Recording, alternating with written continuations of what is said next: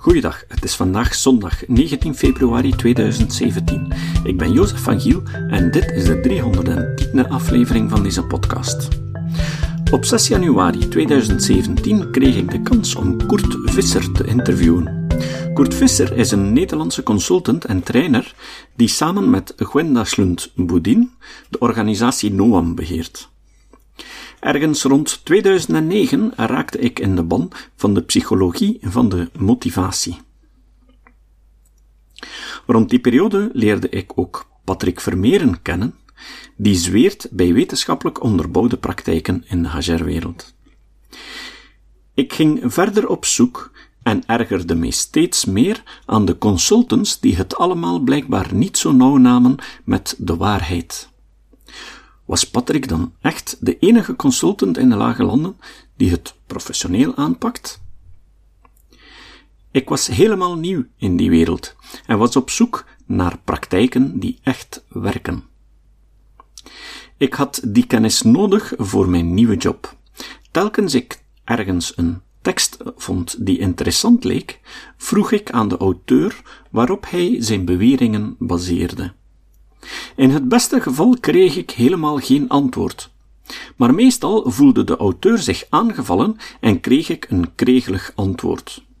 Ooit zocht de auteur van zo'n tekst mijn gegevens op en belde me op om me af te dreigen. Maar één keer kreeg ik een heel ander antwoord. De auteur bedankte me omdat ik zo kritisch keek naar zijn artikel en stuurde me de nodige referenties door. Hij gaf me ook een interessante lijst van belangrijke onderzoekers die ik in het oog moest houden. Opmerkelijk. Een groot deel van die lijst was dezelfde als die die ik van Patrick Vermeeren had leren kennen. Dat was Kurt Visser. Ik begon zijn blog te volgen, waarin hij duiding gaf over wetenschappelijk onderzoek rond bedrijfspsychologie en illustreerde hoe je deze wetenschappelijke bevindingen in de praktijk kan gebruiken. Ik volg nu nog altijd zijn blog en die van zijn zakenpartner Gwenda Schlund-Boudin. Ze zijn zeer productief. Ze schrijven elke week zo'n zes stukjes en die zijn altijd zeer interessant en goed voorzien van referenties die ze onderbouwen. Vorig jaar heb ik dan één van de boeken van Kurt gelezen en dan nog één en dan nog een van Gwenda. In hun boek geven ze een heel pragmatische coaching-aanpak in zeven stappen. Daarbij leggen ze uit op welke theorie elk van die stappen gebaseerd is. Wat hen bijzonder maakt, is dat ze de wetenschappelijke literatuur rond HR-psychologie op de voet volgen en die toepassen op de praktijk van hun werk. Ze geven trainingen in coaching, verandermanagement, samenwerken en leiding geven op basis van goed onderbouwde theorieën, maar dan op zo'n manier dat deze goed in de praktijk toe te passen zijn. Ze bewijzen elke dag dat een goede theoretische basis niet betekent dat het niet bruikbaar is in de praktijk. Wel in tegendeel. Genoeg inleiding. Hier komt het interview. Interview met Kurt Visser. Dag Kurt. Hallo. Wil je je even voorstellen? Ja, ik ben Koert Visser. Ik uh, ben schrijver en ik ben trainer. Ik hou me bezig met wat ik noem progressiegericht werken. Samen met mijn collega Gwenda Sloen-Bodien. We hebben blogs. We schrijven heel veel, elke week. Het thema is progressiegericht werken. Ja, jullie praktijk progressiegericht werken is gebaseerd op uh, wetenschappelijk onderbouwde inzichten. Ja. Um, is dat altijd zo geweest of heb je op een gegeven moment uh, het licht gezien en het roer omgegooid in de richting van meer wetenschappelijke materie? Nou, in termen van het licht gezien, dat was eigenlijk al toen ik een jaar of twintig was. Toen, toen kwam ik voor het eerst uh, het begrip scepticisme tegen. En er was in Nederland zo'n tijdschrift, ik, ik, ik, volg het nu niet meer, maar dat, was eigenlijk, dat heette De Scepter, geloof ik, als ik me goed herinner. En daar was ik op geabonneerd en dat inspireerde mij enorm. Ik kwam daar eigenlijk allerlei, ik kwam daar eigenlijk het sceptische denken tegen, wat in essentie gaat om, als er een bewering is, dan moet je die niet zomaar geloven. Je moet hem ook niet zomaar afwijzen, maar je moet eigenlijk alleen geloven Als er ook goede aanwijzingen voor zijn, als er bewijs voor is. Dus eigenlijk is het in termen van het licht zien, dat begon toen ik eh, eigenlijk een jonge man was. En ik heb dat altijd wel in zekere mate gehad, maar het is ook wel een beetje, het, heeft ook wel een beetje gefluctueerd over de jaren. Ik heb ook wel eens, ik heb bepaalde jaren heb ik denk ik daar minder accent op gelegd, maar de laatste tien jaar of zo is het eigenlijk heel sterk aanwezig. Ben ik eigenlijk continu op zoek naar fundering voor de dingen die ik zeg. Ik wil graag dat het klopt. Ik wil, ik wil niet zomaar iets beweren. Dus ik ben continu eigenlijk dat soort dingen ook aan het onderzoeken.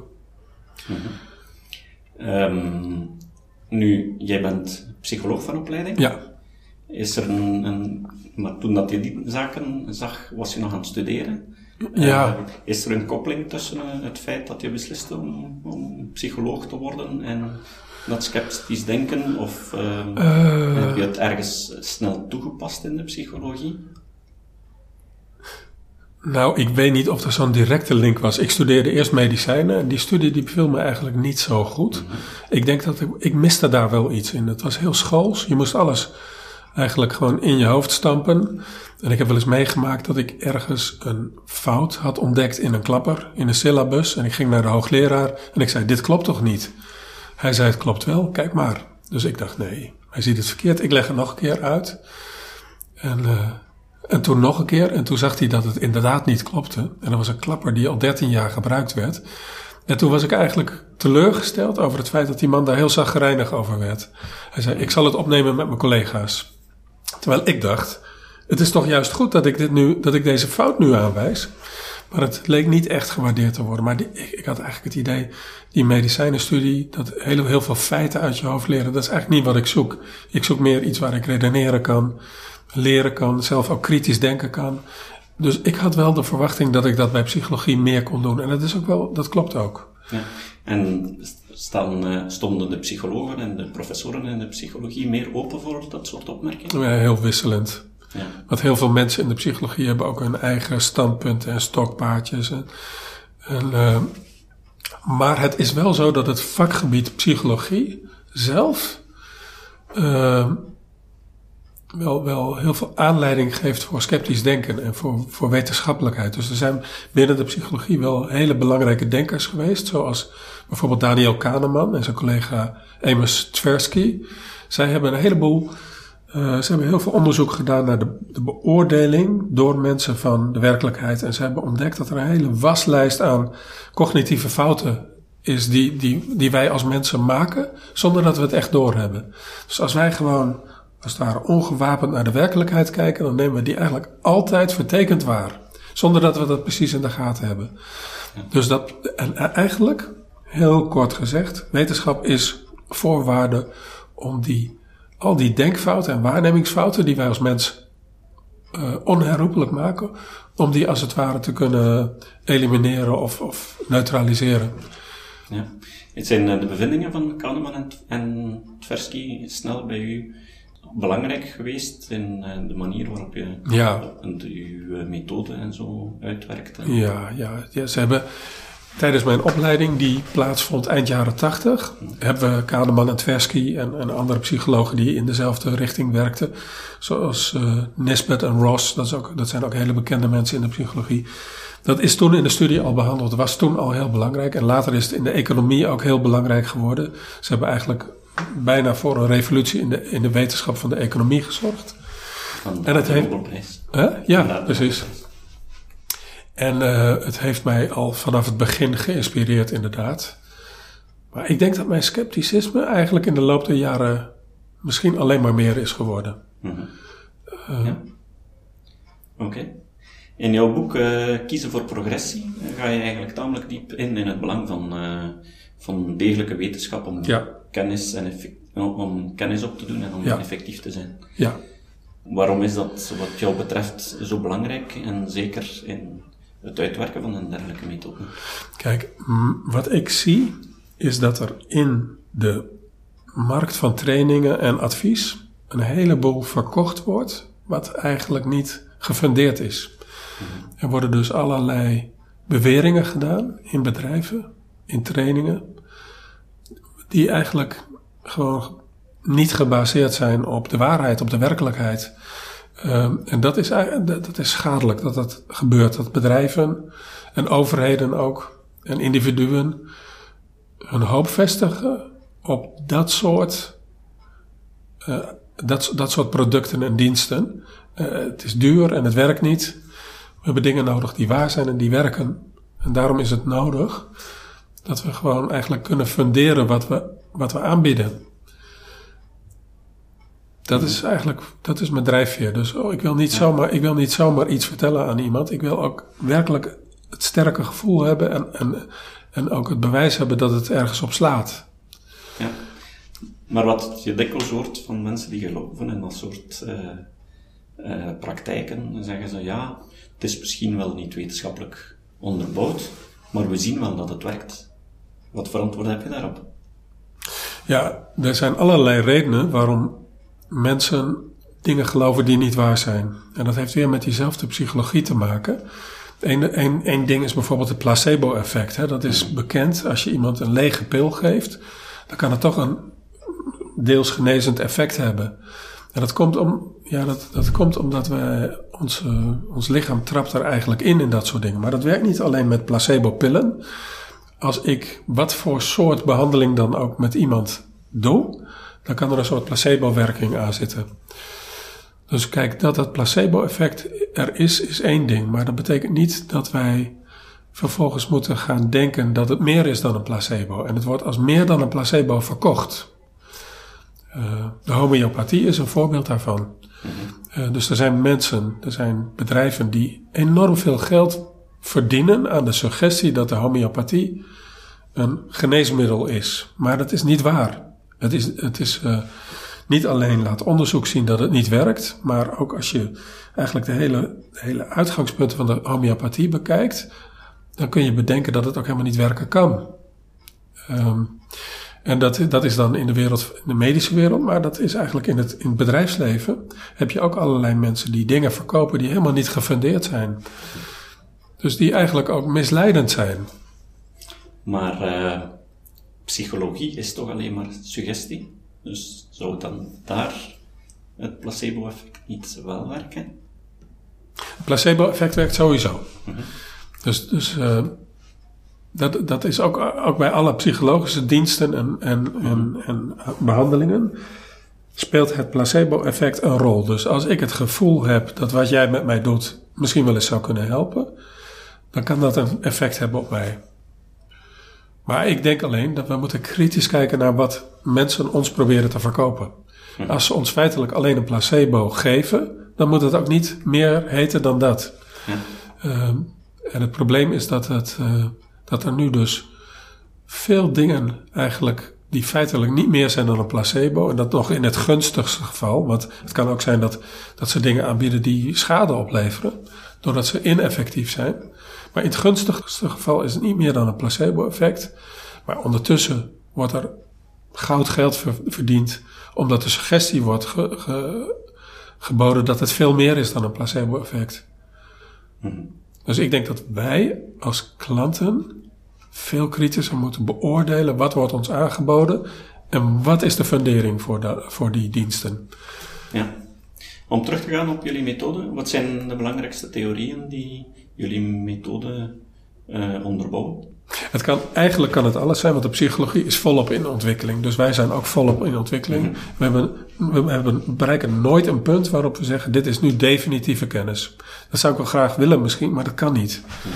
We proberen uit te vinden hoe het werkt in de wereld. Uh, de wetenschap is erop gericht om te snappen hoe, hoe de wereld in elkaar zit.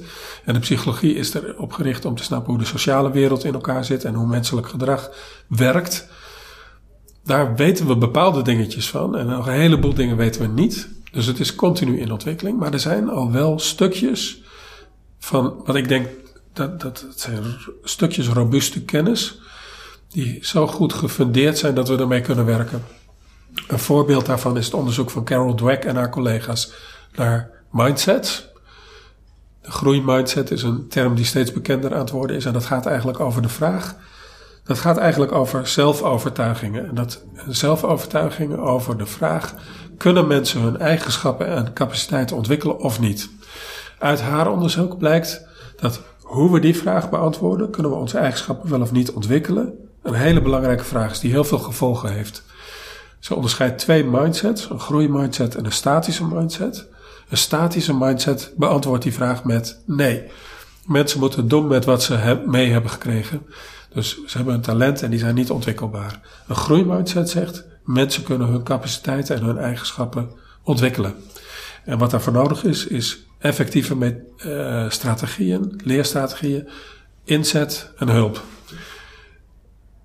Die, ja, eigenlijk het denken over de mindset is zo goed onderzocht en het is zo goed praktisch te maken dat het heel bruikbaar is. Niet alleen voor kinderen in de onderwijssetting, maar ook voor mensen in het bedrijfsleven. Dus dat is één onderwerp, de groeimindset. Een ander onderwerp wat ik kan noemen is de zelfdeterminatietheorie. Dat, dat, het, beide zijn onderzoeksvelden die al vele decennia lopen. En ook binnen de zelfdeterminatietheorie is behoorlijk goede, robuuste kennis uh, ontwikkeld. En dat, de zelfdeterminatietheorie gaat in essentie over motivatie. En motivatie, dat betekent eigenlijk uh, energie voor actie. Dus wat is de reden voor om ons, om ons ergens voor te gaan inspannen? En uh, die zelfdeterminatietheorie heeft ook heel goed gefundeerde kennis die heel praktisch bruikbaar is. Dus dat is ook waar we, een onderwerp waar we heel veel mee doen. En zo zijn er ook veel meer kleine onderwerpen. Deliberate practice, dat is ook mhm. eigenlijk de manier om beter te worden in dingen. is een bepaalde manier van doelbewust oefenen. En zo zijn er nog veel meer kleine dingen. Maar dit zijn hele belangrijke brokken. Want gelijk deliberate practice gebruiken jullie ook als methode om jullie opleidingen zelf te organiseren. Ja, zeker. Zeker. Wat we dan doen is eh, onze cursussen in onze training. Die, die kunnen eigenlijk oefenen met datgene wat ze nu moeilijk vinden. En dat is een beetje ongemakkelijk. Want, want ja, je doet iets waarvan je merkt, ik ben er nu nog niet helemaal competent in. Dus dat, dat geeft nou niet echt een gevoel van, oh, wat doe ik dit goed? Dus dat geeft een beetje onzekerheid, misschien zelfs een beetje frustratie. Maar het blijkt dat dat eigenlijk, als je op dat punt oefent en goede feedback gebruikt, en goed de gelegenheid krijgt om het steeds opnieuw te proberen, dat je heel snel verder komt. Dus dat gebruiken we heel intensief inderdaad. Ja. En steeds meer eigenlijk ook, en het werkt goed. Kan je die methode eigenlijk gebruiken als autodidact? Ja, je kunt het ook zelfstandig gebruiken. Deliberate practice, dat, betekent, dat, dat bestaat eigenlijk uit twee componenten. Dat is doelbewust oefenen, doelgericht oefenen, plus expert feedback. Die expert feedback, die kun je soms ja, een beetje moeilijker individueel als je achter je eigen bureau zit toepassen. Maar er zijn wel maniertjes om het, uh, om het toch te, te gebruiken. Bijvoorbeeld als je gespreksvoering wilt oefenen, als je beter wilt worden in gespreksvoering, dan kun je bijvoorbeeld dialogen, uitgeschreven dialogen, kun je analyseren. En dan moet je niet in één keer lezen, maar dan moet je even lezen wat de ene persoon zegt. Dan zit jij bijvoorbeeld in de professionele rol van coach. En dan kun je dat afdekken met je hand. En dan lees je wat de cliënt van de coach zegt. En dan moet jij bedenken wat jouw antwoord of wat jouw reactie als coach zou zijn daarop. En dan moet je je hand niet naar beneden schuiven voordat je bedacht hebt wat je zou zeggen. En dan bedenk je dat en vervolgens doe je je hand naar beneden en dan kun je vergelijken. Wat zei ik nu en wat zegt deze, mag je hopen, expert mhm. in die uitgeschreven dialoog. Dus zo kun je een beetje de expertise ook simuleren. Zo kun je het een beetje naar je toe halen. Maar doelgericht oefenen kun je sowieso. Je kunt sowieso gaan naar het punt waarop je datgene, datgene oefent wat je nu moeilijk vindt. Dat is eigenlijk al een begin. Bijvoorbeeld als je een muziekinstrument wilt leren bespelen, dan moet je niet de hele tijd spelen datgene wat je al kan. Je moet heel erg inzoomen op daar waar het moeilijk wordt. En dat speel je in kleine stukjes met herhaling. En misschien heb je ook een geluidsopname van hoe het hoort te klinken. Bijvoorbeeld op YouTube kun je misschien voorbeeldjes vinden. Dus dan kun je heel erg vergelijken met hoe speel ik het nu en hoe klinkt het, hoe hoort het te klinken. Dat noemen we een mentale representatie. En door dat heel goed te vergelijken kun je gewoon deliberate practice toepassen. Ja. Mooi. Nu, wetenschappelijk uh, denken is een uh, voortschrijdend proces. Ja.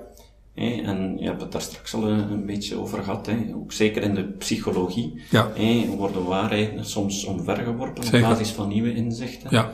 En omdat oude studies achteraf niet blijken te deugen. Ja. Hebben jullie dat al meegemaakt? Ja. En, uh, waardoor dat jullie de methode zelf moesten bijsturen? Ja, eigenlijk sturen we... Eigenlijk, we zijn er continu op voorbereid dat we bereid zijn om, om elk onderdeel van wat we doen overboord te gooien als, als daar aanleiding toe is. Dus wat, in feite, één voorbeeld is die groeimindset. Als je mij uh, twintig jaar geleden had gesproken, had ik totaal anders gepraat over menselijke capaciteiten. Want eigenlijk in de psychologie was dat, dat hele idee van de groeimindset en het, het onderwerp neuroplasticiteit, de ontwikkelbaarheid van de menselijke hersenen, daar was nog veel minder over bekend. Eigenlijk de hele psychologie had, leek meer op een statische mindset. Hmm. Namelijk het idee van mensen hebben capaciteit en daar moet je het mee doen. Dus als je mij twintig jaar geleden had geïnterviewd, zou ik veel meer op een statische mindset manier denken. Hmm. Dus ik kwam het werk van Carol Dweck in 2002, geloof ik, tegen. Dat heeft mij aan het denken gezet. Door die jaren heen ben ik het heel erg blijven volgen. En heeft het heel erg geleid tot een verandering in wat wij ook doen met onze klanten. Ja, ja. Um, heel vroeger sprak men eigenlijk van het blanco blad. Ja. En dan later is Steven Pinker gekomen, ja. die dat overboord gegooid heeft met zijn boek uh, De Blank Slate. Ja. En dan Carlo Dweck brengt dat terug. Is, moet ik dat zo zien? Hoe zie jij dat, dat evolutieproces in, nou, weet je, de, en dat inzicht van de psychologie? Ja, kijk, er zijn er heel veel onder, onderwerpen waar, waarvan ik denk, daar heb ik goed zicht op, daar heb ik een duidelijke visie over. En er zijn ook heel veel onderwerpen waar ik nog keihard over aan het nadenken ben. Steven Pinker heeft ongetwijfeld gelijk dat de mens niet als een blank uh, sleet wordt geboren. Dat is absoluut waar. Wij worden allemaal, uh, wij worden geboren met bepaalde neigingen en capaciteiten. Of de, of de mogelijkheid om bepaalde capaciteiten te ontwikkelen. Dat volgt uit de evolutietheorie. Dat is absoluut waar. Maar wat ik, wat ik zelf wel denk, is dat Steven Pinker. Kijk, de, de, dus in de kijk, talent is belangrijk in de zin dat wij als mens zijn duidelijk in ons talent te onderscheiden van honden. Wij kunnen een hond niet leren om uh, wetenschap te bedrijven. Mensen wel. Dus dat talenten belangrijk zijn, eh, absoluut waar. Het onderscheidt ons van heel veel andere diersoorten in een hele belangrijke mate. In hoeverre het mensen individueel ook echt onderscheidt, is een tweede vraag. En de derde vraag is, in hoeverre belemmert het ons om te leren? Dat is nog een weer een apart punt. dus Zelfs als ik met een beperkt talent voor het een of ander geboren word, volgt daar dan uit dat ik datgene niet kan leren. En ik denk dat Pinker dat onderschat. Ik denk dat Pinker eigenlijk. Ja, wie ben ik om kritiek op Pinker te hebben, maar ik doe het lekker toch? Ik denk dat hij eigenlijk het belang van neuroplasticiteit, epigenetica, groeimindset onderschat. Als je eigenlijk ziet hoe de, de ontwikkelingen zijn op het gebied van uh, met name de neuroplasticiteit, dan denk ik dat nog steeds wetenschappers ook, maar zeker ook mensen in de praktijk, onderschatten hoe veranderbaar mensen zijn. Mm Om, om verder en ik ben trouwens ook een fan van Steven Pinker. Dat wil ik ook nog even zeggen. Want ik heb ook kritiek op hem, maar ik, ben, ik vind dat hij een hele bijzondere vent is. Ja. Ik denk dat er weinig mensen zijn die hem kennen die daar anders over denken. Ja, ja. Om, om even terug te komen op, op dat herzien van de wetenschappelijke feiten. Heb je ergens concrete zaken in, in, in jullie methodiek waar je op een bepaald moment gezegd hebt, oké, dit moeten we stoppen, we moeten het toch anders doen. Ja. Want dus, ja. Karel Dweck, dat was van voordat jullie, hij is eigenlijk in jullie methodiek in het begin gekomen? Of? Ja, ja, nou eigenlijk hebben we ook Carol Dweck is tijdens ons, we zijn ongeveer in 2002 ook begonnen met onze, met onze trainingen. Maar eigenlijk dat hebben we nog niet direct geïnternaliseerd en geïntegreerd. Mm. Dus eigenlijk in dat proces van die eerste acht jaar of zo, of die eerste tien jaar, is dat geleidelijk aan meer geworden. Bijvoorbeeld, wat wij in het begin veel meer deden, is over sterktes praten en over talenten praten. Mm. Uh, dat zijn we steeds meer, daar zijn we steeds meer mee gestopt. We hebben steeds minder een persoonsgerichte aanpak, steeds meer eigenlijk een, een interactionistische aanpak. Dus persoon keer situatie. Dus nu zouden we meer kijken naar wat werkt, wat vind je belangrijk? Wat vind je interessant? En min, in mindere mate kijken naar waar ligt je talent? Want, zoals Carol Dweck's onderzoek heeft laten zien, als je erg eigenlijk praat en de focus legt op je bent zo intelligent of je bent zo goed daarin, dan heeft dat het grote risico dat het een statische mindset op, opwekt. Dus dat is iets wat we eigenlijk in de loop der jaren uh, steeds veranderd hebben. Ja. En er zijn veel andere dingen ook nog. Eh, hele kleine dingetjes, maar ook grotere dingen, denk ik. Ja. nu is er zo een, een hype aan het komen rond uh, sterkte-gebaseerde technieken. Ja. Dus dat, uh, dat is niet direct uw vriend, begrijp ik. Nee, maar als je me 15 jaar geleden had gevraagd, zou ik ja, zeggen: sterkte-gerichtheid is helemaal top. Ja. ja. Dus, maar in, inmiddels niet meer. Er is ook onderzoek dat. Kijk, mijn skepsis over sterkte-gerichtheid ontstond toen ik al die boeken las van Marcus Buckingham en dergelijke, van Gallup waarin enorme stellige beweringen werden gedaan, maar waar ik eigenlijk één ding miste. En dat is peer-reviewed uh, research. Dus dat zijn gewoon goede wetenschappelijke artikelen in de wetenschappelijke tijdschriften. Ik, ik dacht, ja, ze noemen in die boeken eigenlijk het type bewijs dat ze noemen, is voor mij helemaal niet transparant. Want ze zeggen, we hebben een miljoen interviews gedaan. En dan denk ik, ja, dat, dat is allemaal heel interessant, maar dat is toch niet hetzelfde als wetenschappelijk onderzoek. Dus hoe hebben ze het precies onderzocht? Dus ik ging op zoek naar dat bewijs, aannemend dat het er vanzelfsprekend wel zou zijn. Dus ik ging het ook vragen aan allerlei Amerikaanse psychologen. En ik zeg, waar is het peer-reviewed bewijs voor, voor deze stelling dat je, dat je eigenlijk je prioriteit heel erg moet stellen bij het leren kennen van je sterktes en je focus eigenlijk in je ontwikkeling specifiek daarop moet richten. Ik vroeg mij af waar volgt dat uit? Maar ik kreeg steeds uh, nul op het request. Niemand, niemand wees mij die artikelen aan. Ja. En uh, ik kom er steeds meer achter dat die er ook helemaal niet zijn. Ik, ik ben zelf flink gaan zoeken ook. En toen kwam ik een artikel tegen van Jonathan Haidt bijvoorbeeld. Ook een bekende psycholoog. En die had het onderzocht. En die, tot zijn verrassing, kwam die erachter dat het eigenlijk averechts werkte. De, sterk, hij deed een onderzoekje, ik weet de details niet meer precies. Maar waar juist, juist uitkwam dat de conditie waar de mensen hun focus hadden gelegd op de sterktes, dat die minder goed functioneerde en minder goed ontwikkelde. Hij zelf, in zijn discussie, dacht dat hij iets verkeerd onderzocht had. Maar ik begon steeds, ik begon te denken, nee, volgens mij heb je het goed onderzocht. Volgens mij deugt de hele stelling niet.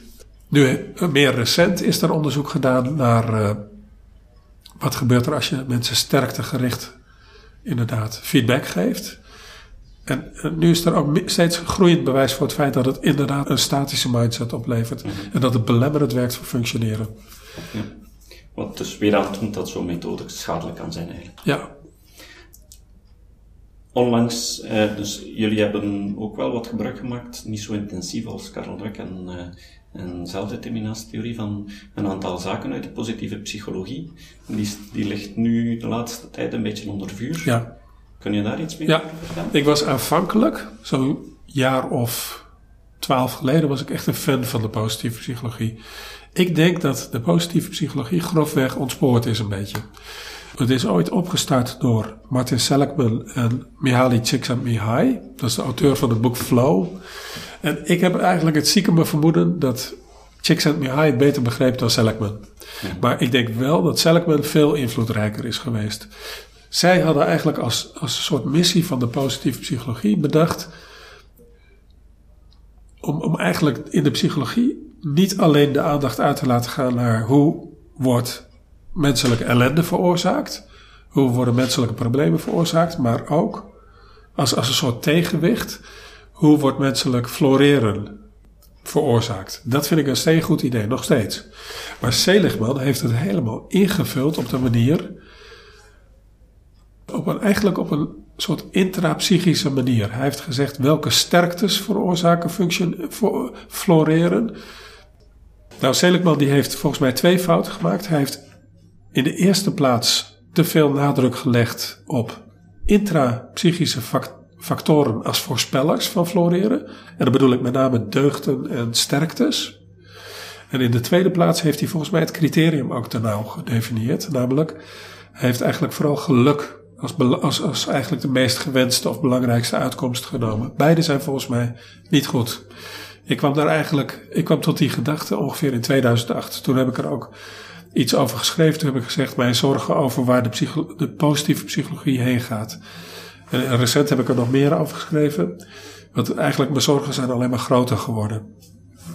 Je ziet bijvoorbeeld dat uh, binnen de psych positieve psychologie lijkt een soort gretigheid te bestaan om, om uh, zo snel mogelijk kennis naar de markt te willen brengen. Zo snel mogelijk een boek uitbrengen, zo snel mogelijk trainingsprogramma's. En dat leidt, dat leidt volgens mij tot, tot, tot wat je bijvoorbeeld hebt gezien met Amy Cuddy. Dat is de persoon die heeft een TED-presentatie gehouden over power poses. Zij vertelt dat verhaal. Zij vertelt eigenlijk als je een power pose aanhoudt, dat is een soort, soort krachtige lichaamshouding. Vlak voordat je iets belangrijks moet doen, zoals een sollicitatiegesprek dat dat ertoe leidt dat je veel zekerder overkomt en dat je krachtiger bent en dat je meer succes hebt. Zij zegt dat zorgt namelijk ervoor dat je testosteron aanmaakt en dat zorgt voor al die zelfverzekerde effectieve gedragingen. Zij baseerde haar verhaal toen op een onderzoek waarvan nu is gebleken dat het eigenlijk niet, niet goed deugde. Haar onderzoekje was eigenlijk te klein en het rammelde. En nu is het onderzoek vaak herhaald. Het is vaak uh, op, opnieuw gedaan. En de effecten die zij toen vond, zijn niet opnieuw gevonden. En eigenlijk blijkt nu steeds meer dat dat hele idee van die power poses, waar zij nu een TED-presentatie van heeft gehouden, een boek over heeft geschreven, uh, waar ze beroemd mee is geworden, waar ze veel geld mee heeft verdiend. Het is eigenlijk drijfzand. Het blijkt gewoon niet waar te zijn. Mhm. En dit is maar één voorbeeld. Ja. Dus eh, eigenlijk binnen de positieve psychologie, nee, ik ben al lang geen fan meer. Ja. Er zullen nog steeds goede dingen gebeuren door individuele wetenschappers. Maar grosso modo, nee, ik zou mijzelf niet een liefhebber doen. Oké. Heb je plannen naar de nabije toekomst? Hoe gaat het verder? Concrete zaken? Een nieuw boek schrijven of zo? Ja, ik denk wel aan een nieuw boek. Misschien. Uh, ik, weet nog niet echt een, ik heb nog niet echt een thema. Maar ik, ik ben er veel, veel over aan het nadenken. Ik ben heel benieuwd wat. Uh, er is nu binnen de psychologie die, wat ze noemen replicatiecrisis. Hè. Ze gaan heel veel oude onderzoeken opnieuw onderzoeken en dan merken ze, sommigen blijven overeind, vele niet. Dus in feite moeten we een hele soort nieuwe inventaris opbouwen in de psychologie. We moeten goed kijken wat is nou robuuste psychologie en wat niet. Er is heel veel werk aan de winkel, dus ook voor ons. Ik probeer eigenlijk een soort brug te zijn tussen die wetenschap en de praktijk. Dus ook, ik moet dat heel goed bijhouden. Uh, en dat is, ja, dat is genoeg te doen. Ja, oké. Dank u kort voor dit. Graag gedaan. Op de notitiepagina kan je een link vinden naar de blog van Kurt en Gwenda. noam.nu Als je in een job zit waarin je regelmatig mensen moet leiden of coachen, dan raad ik je ten zeerste aan om deze blog te volgen. Het citaat. Het citaat komt van Margriet Sitskoorn. Margriet Sitskoorn is een Nederlandse neuropsycholoog. Ze schreef het zeer interessante boek Het maakbare brein en het boek Ik kwadraat. Ik vond het eerste boek het beste van beide en een echte aanrader. Maar het citaat van vandaag komt van het andere boek. Op pagina 104 van Ik kwadraat schrijft Sitskoorn in hoeverre je iets ontwikkelt, wordt bepaald door de interactie tussen je genen en je eigenschappen die je hebt. En aan de andere kant van de mate waarin je je aan iets blootstelt, de omgeving dus. Wie een groot deel van zijn tijd besteedt aan opvoeden, ontwikkelt opvoedingswaarden en zijn kinderen. Wie een groot deel van zijn tijd besteedt aan intermenselijk contact, ontwikkelt sociale vaardigheden. Wie een groot deel van zijn tijd besteedt aan World of Warcraft of reality shows, ontwikkelt. Vul zelf maar in. Tot de volgende keer. Deze podcast is het resultaat van het werk van veel mensen. Rick de Laat verbetert bijna al mijn teksten en maakt de meeste vertalingen. Emiel Dingemans verzorgt onze website en Facebookpagina. Ook Leon Korteweg en Stefan Sutens schrijven, vertalen of verbeteren soms artikelen. Leon onderhoudt bovendien het YouTube-kanaal van deze podcast. De muziek van de intro en de trailer heeft Nick Lucassen geschreven en soms maken we ook gebruik van muziek van Ad van Nederpelt, die ons zijn prachtige composities ter beschikking stelt. Dit was de podcast Kritisch Denken. Vergeet niet om alles kritisch te behandelen, ook deze podcast. Voor verdere informatie over deze podcast, links en voor de tekst, surf naar www.kritischdenken.info. Als je deze podcast belangrijk vindt, kun je me steunen door anderen warm te maken ook eens te luisteren. Stuur een e-mail naar vrienden met een link naar de website en plaats de link in de handtekening van je e-mails. Tevens kun je op iTunes deze podcast een beoordeling geven of een recensie schrijven. Of je kan op je eigen website of blog een link naar kritisch denken plaatsen.